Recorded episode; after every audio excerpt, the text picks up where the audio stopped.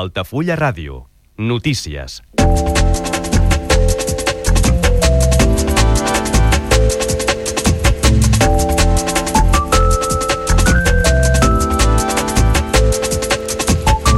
El centre de dia d'Altafulla vol ser una realitat en aquest mandat. El govern municipal aposta per aquest equipament que podria completar-se amb una residència per la gent gran en un futur. El ple de l'Ajuntament d'Altafulla aprova demanar la concessió del passeig de botigues de mar a l'Estat. El consistori serà responsable del seu manteniment i de les activitats que s'hi desenvolupin, com ara la instal·lació de terrasses. El plenari municipal aprova una nova tarifa que s'inclourà a la factura de l'aigua per millorar la xarxa. En una sessió de tràmit, l'ordre del dia ha prosperat amb l'acord i entesa entre tots els grups municipals. El grup Adolescència Lliure de Mòbil cerca complicitats a la població d'Altafulla en una nova trobada aquest dimecres. La iniciativa respon a la necessitat de donar resposta al neguit de diverses famílies del territori respecte a l'ús d'aquests dispositius als centres educatius. I neix a la Riera de Gallà una associació per fomentar la meditació terapèutica. L'entitat Introment està formada per membres de la comunitat educativa de la Universitat Rovira i Virgili i altres persones del teixit associatiu del territori. I la ciutat de Tarragona podria assumir una activitat creuerística major que no pas l'actual. El port de Tarragona va tancar el 2023 amb 122.000 passatgers i s'assegura que és un volum 30 o 35 vegades menor que el d'altres projectes que hi ha a la ciutat i unes 200 persones participen al mostreig de pellets que Good Karma Projects ha dut a terme a la platja del racó de Vilaseca. Amb les mostres de sorra que s'han recollit, s'ha constatat que hi havia més de 2.800 pellets en superfície. En esports us destaquem que la palista Anna Ortiz arriba fins als quarts de final del primer Gran Slam del circuit Audilegem a Blanes. L'altafoyenca ha fet tàndem amb Sandra Oliveres i juntes han cedit davant Lara Tena i Cristina Bala.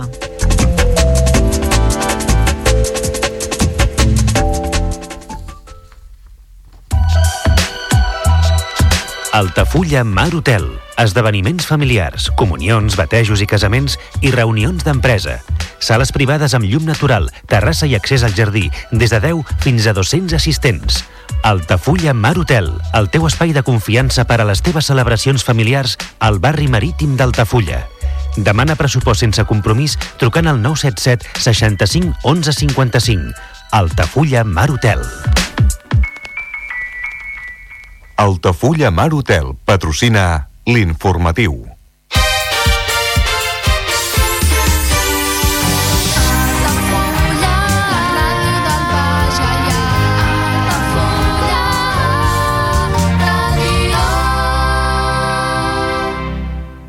Altafulla Ràdio. Notícies.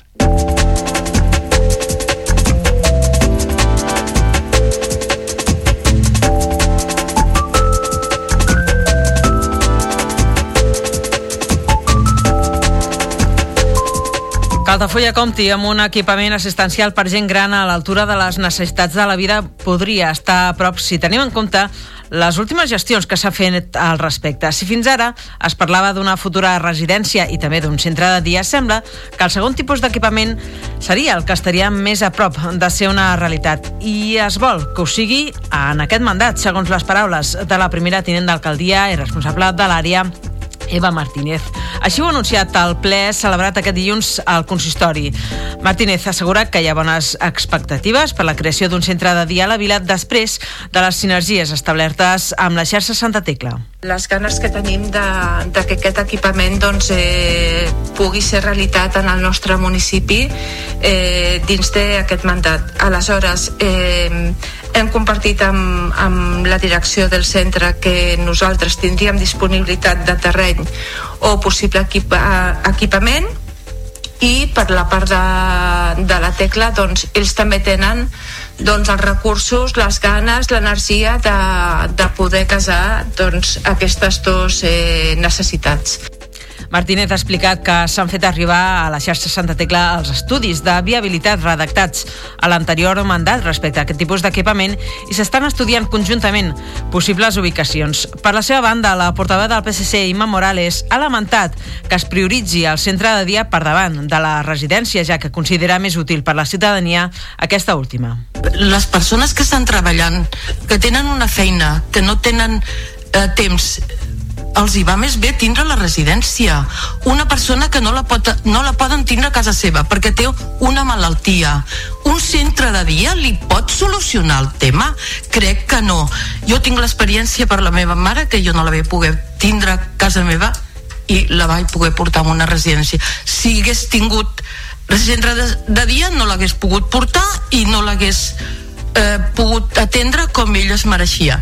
Jo crec que això no s'ho plantegeu des de l'equip de govern, la alcaldessa Alba Muntades assegura que no s'ha renunciat a fer la residència i que es tindrà en compte la seva integració futura amb el centre de dia, que ara seria més factible de tirar endavant. Evidentment no es farà una gran despesa de construcció d'un centre de dia que només serveixi per centre de dia. Si es pot adequar algun espai, que és el que estem mirant ara que tenim, d'adequar algun espai per al centre de dia, es farà, però també amb la visió de futur de si s'ha de construir un, un, nou, un nou equipament, sigui que potser es fa una primera fase de centre de dia ampliable a residències. Si s'ha de construir alguna cosa, es farà en un lloc que pugui ser ampliable, que, no, que el que es construeixi no serveixi només per allò i es quedi allà. Evidentment, això no... I a més a més, així també ho indica pel pla de viabilitat econòmica, que si es feia una construcció havia de ser amb, amb visió de, de futur. Però el que diem, no, no, no renunciem a res. En línies similars s'ha expressat Martínez, que ha sustentat el seu argumentari en l'interès de la xarxa pel centre de dia i en la tipologia de serveis en què podria comptar la ciutadania a través d'aquest equipament. En aquest moment, la xarxa està apostant pel centre de dia perquè aquest és una realitat que les famílies necessiten. Eh, clar, tu possiblement parles del, del teu cas concret, no? però eh, hi ha eh, el, el previ podria ser aquest centre de dia que fa unes tasques doncs, impressionants a nivell de la prevenció de la salut física, cognitiva, a nivell dels cuidados de, de servei que ofereix, del menjar, de la higiene, etc. Jo crec que això seria doncs, un valor afegit molt important pel nostre eh, municipi. Això no vol dir en cap dels casos renunciar a un altre equipament pel que fa a possibles ubicacions del futur o futurs equipaments, es mantenen sobre la taula diferents emplaçaments com la cabana, que s'hauria d'urbanitzar de nou, i també algun equipament ja existent.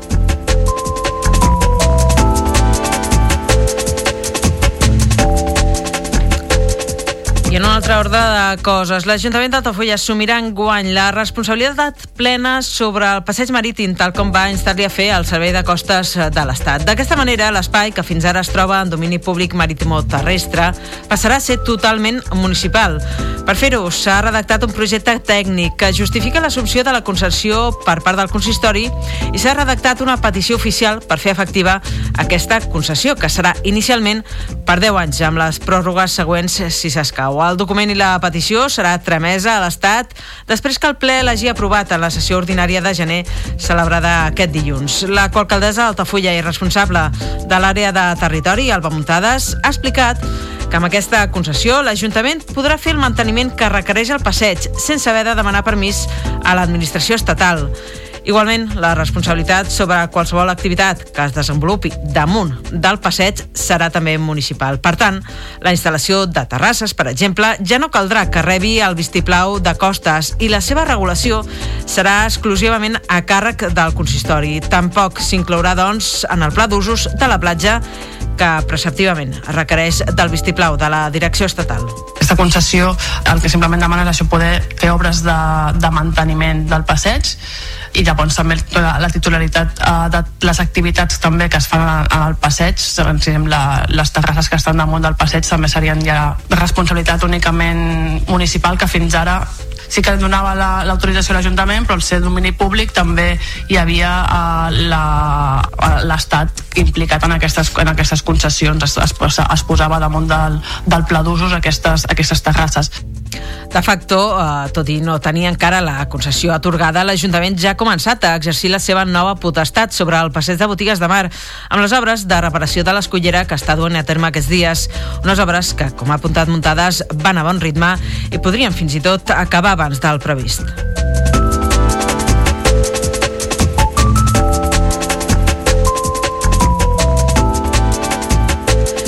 Amb les derivades de, del ple ordinari del mes de gener que s'ha celebrat aquest dilluns al vespre, ha estat una sessió que han incloure pràcticament, ha inclòs pràcticament en la seva totalitat punts de tràmit en l'ordre del dia i s'ha caracteritzat per l'acord i l'entesa entre tots els grups municipals que s'han pronunciat favorablement a cadascuna de les qüestions que s'hi han tractat. S'ha donat el vistiplau a, a les tarifes pels serveis d'autotaxi per l'any 2024 al municipi.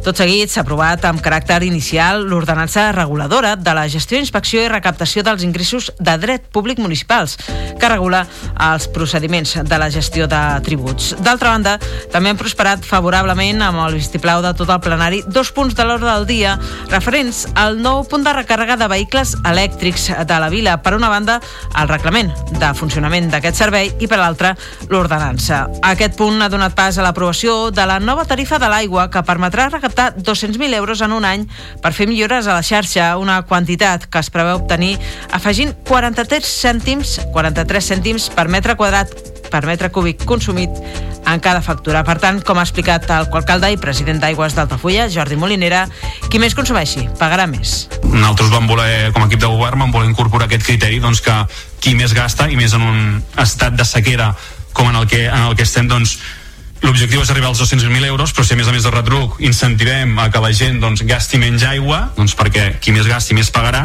doncs millor que millor. Però al cap i a la fi sempre serà l'objectiu doncs, de poder recaptar aquests 200.000 euros per amb la planificació que té Aigües d'Altafulla per als propers anys doncs, anar renovant diverses seccions eh, de clavegaram o de xarxa d'inversions d'aigües eh, de, del municipi. No? A les acaballes del ple ordinari de gener, com és habitual, els diversos membres de l'equip de govern han exposat els relatius informes de presidència. S'ha debatut sobre la concessió del passeig com a punt entrat per urgència i s'ha donat pas als pregs i preguntes tant de l'oposició com del públic present a la sala.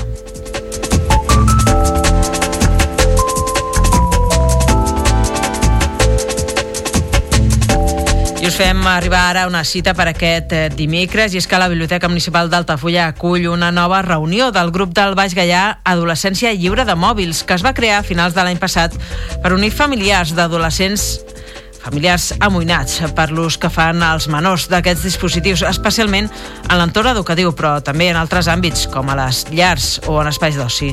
El col·lectiu veu dels diferents grups que s'han creat arreu del país per intentar crear un debat social al voltant dels efectes negatius de l'ús dels mòbils en adolescents i menors d'edat i establir, volen establir així una regulació, per exemple, pel que fa als centres escolars. Així mateix, vol crear un pacte social pel qual no es faci entrega de cap cap mòbil a menors de 16 anys atenent a les recomanacions científiques. Pel que fa a la reunió d'aquest dimecres, les integrants del grup pretenen arribar a tantes famílies com sigui possible i establir diferents comissions de treball a partir de les quals poder fer arribar el missatge tant a la població en general com a les administracions i als centres educatius.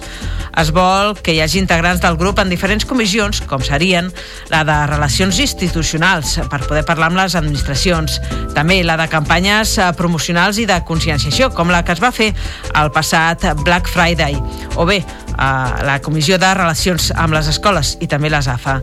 La trobada és oberta a tothom qui estigui interessat en formar part d'aquest grup que plega famílies de tota la subcomarca i que compta també amb el suport de l'Ajuntament d'Altafulla que per la seva banda ja va organitzar el passat mes de desembre un consell escolar per tractar aquesta qüestió. Per contactar amb el grup, a més d'assistir lògicament a la reunió d'aquest dimecres, es pot escriure un correu electrònic a l'adreça adolescència lliure de mòbils arroba gmail.com o bé entrar al grup de Telegram Baix Gaià adolescència lliure de mòbils.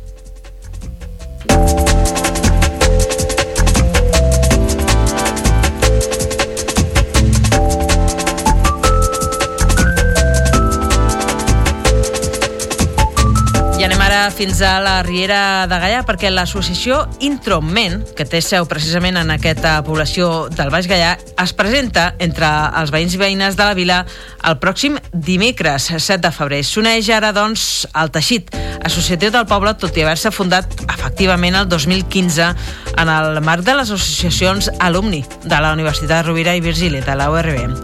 En formen part eh, professors, investigadors, alumnes, personal d'administració del centre i representants de diferents àmbits socials. Amb tot, també està oberta la participació activa de tota la societat.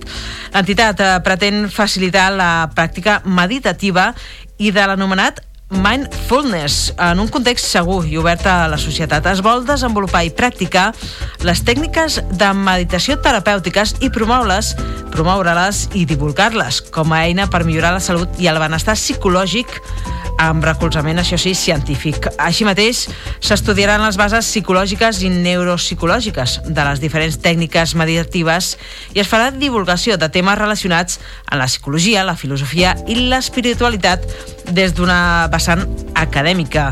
Per altra banda, entre els objectius de l'entitat també hi trobem la promoció d'activitats científiques i formatives accessibles econòmicament per a la societat i la col·laboració amb entitats afins de l'àmbit tant nacional com internacional. La presentació d'aquesta nova associació, com deien, tindrà lloc dimecres 7 de febrer a dos quarts de set de la tarda al Molí del Mig, a la Riera de Gaià. Una hora més tard es farà una conferència que es podrà seguir també de manera telemàtica.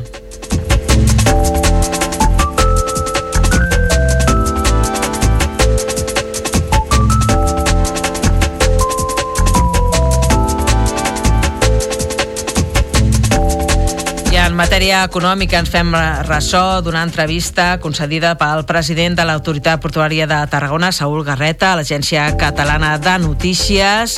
Garreta diu que Tarragona pot assumir una activitat creuerística major de la que té actualment. Garreta diu que la ciutat té capacitat d'absorció sense que es produeixin efectes negatius en l'entorn. El 2023 es va tancar amb 122.000 passatgers. És un volum 30 o 35 vegades menor que altres projectes amb els quals es compara a la ciutat. El responsable portuari alerta que Màlaga és l'exemple de topall màxim que no s'hauria de superar respecte a la presència de creueristes a la ciutat. El port andalús, el 2023, s'ha situat en 500.000 creueristes.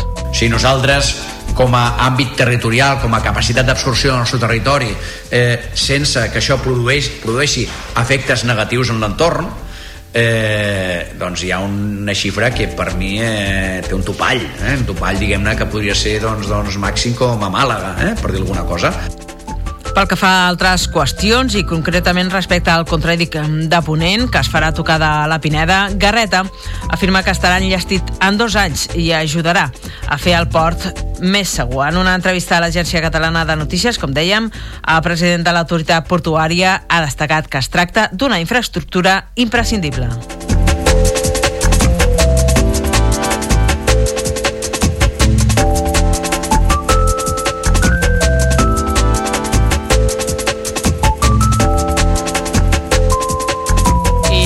Movem de l'entorn de la Pineda perquè unes 200 persones han participat al mostreig de pèl·lets que s'ha fet aquest dissabte a la platja del racó de Vilaseca. L'acció ha estat organitzada per l'ONG Good Karma Projects i pretenia determinar la densitat d'aquests microplàstics en aquest entorn.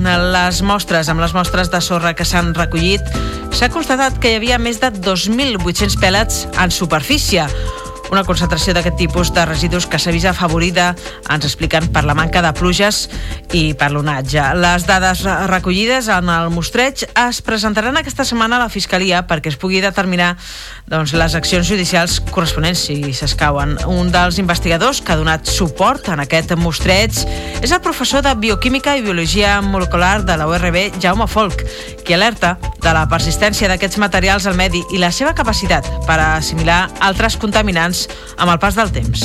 I la preocupació és perquè el cas dels pèl·lets en particular, eh, clar, tenen una resiliència molt gran. Poden estar un, un pèl·let, i a més els que estàvem parlant de Galícia, doncs tenen a més additius que els protegeixen de la radiació ultraviolada. Per tant, poden estar segles al medi.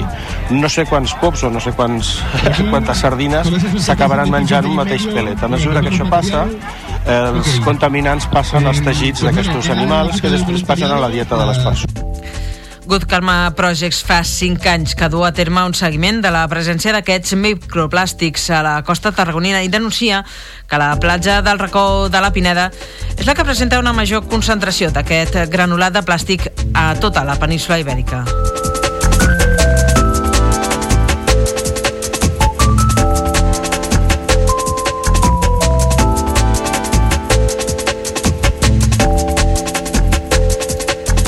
Obrim ara plana esportiva parlant-vos de pàdel perquè la palista Anna Ortiz s'ha desplaçat aquest cap de setmana a Blanes per disputar el primer gran slam del circuit Audiolegem de la Federació Catalana de Pàdel. L'altafoyenca ha fet tàndem amb Sandra Oliveres i juntes han arribat fins als quarts de final en què han cedit davant les futures subcampiones del torneig. Ortiz i Oliveres han perdut davant la parella formada per Lara Tena i Cristina Bala.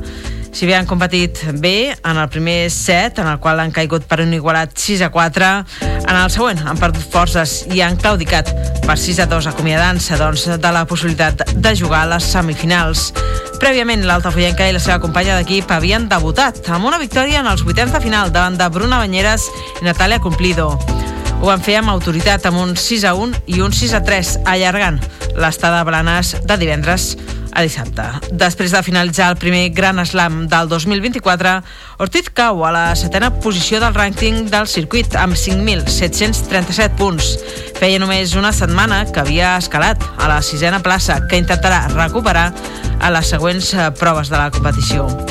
I el mateix dissabte, després de l'eliminació, Ortiz s'ha desplaçat al Club Nàutic Salou per assistir a la Diada Provincial de Pàdel de Tarragona. L'Altafoyenca ha estat una de les esportistes que ha rebut un reconeixement per part de la Federació Catalana de Pàdel pel subcampionat d'Espanya per seleccions autonòmiques absolut que va assolir l'any passat.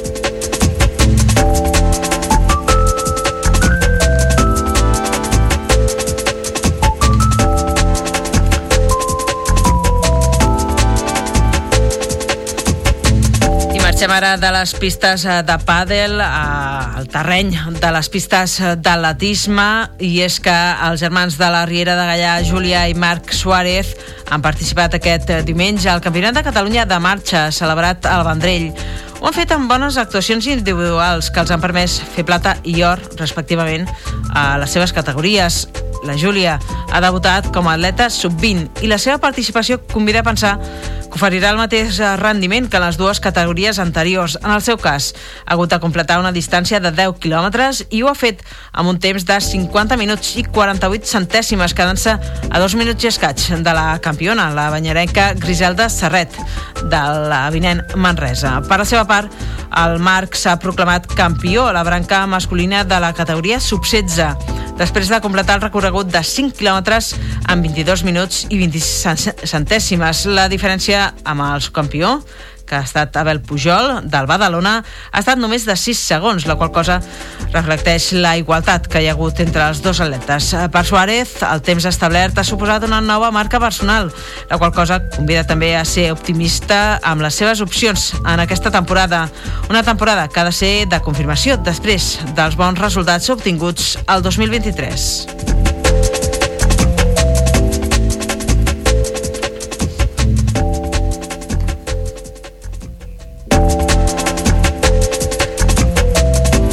Aquests uh, punts uh, de l'actualitat esportiva de casa nostra, nosaltres posem el punt final a l'informatiu d'aquest dimarts, dia 30 de gener del 2024, com sempre en directe al 107.4 de la FM de la freqüència modulada. Ens heu pogut seguir en directe també a través del canal d'Altafulla Ràdio a la televisió digital terrestre, a la TDT, o també per l'aplicació d'Altafulla Ràdio pels telèfons mòbils amb sistema operatiu Android. Igualment al nostre web a www.altafullaradio.cat ens podeu seguir en directe o bé recuperar la gravació d'aquest informatiu, el podcast, així que ho desitgeu.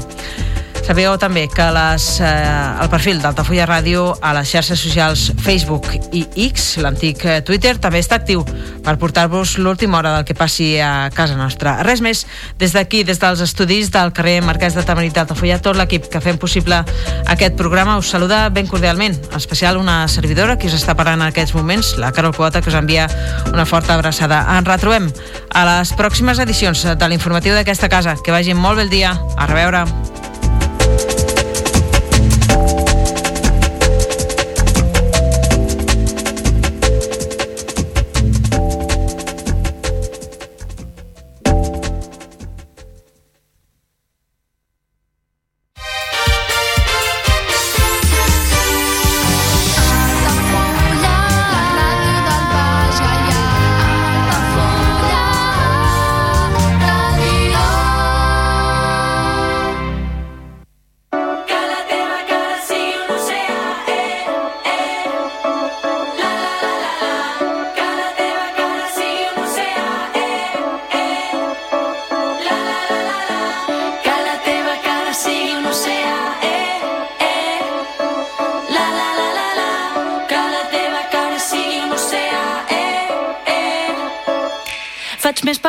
Pel que que ha de ser. Que no tinc del i que sé, que el cel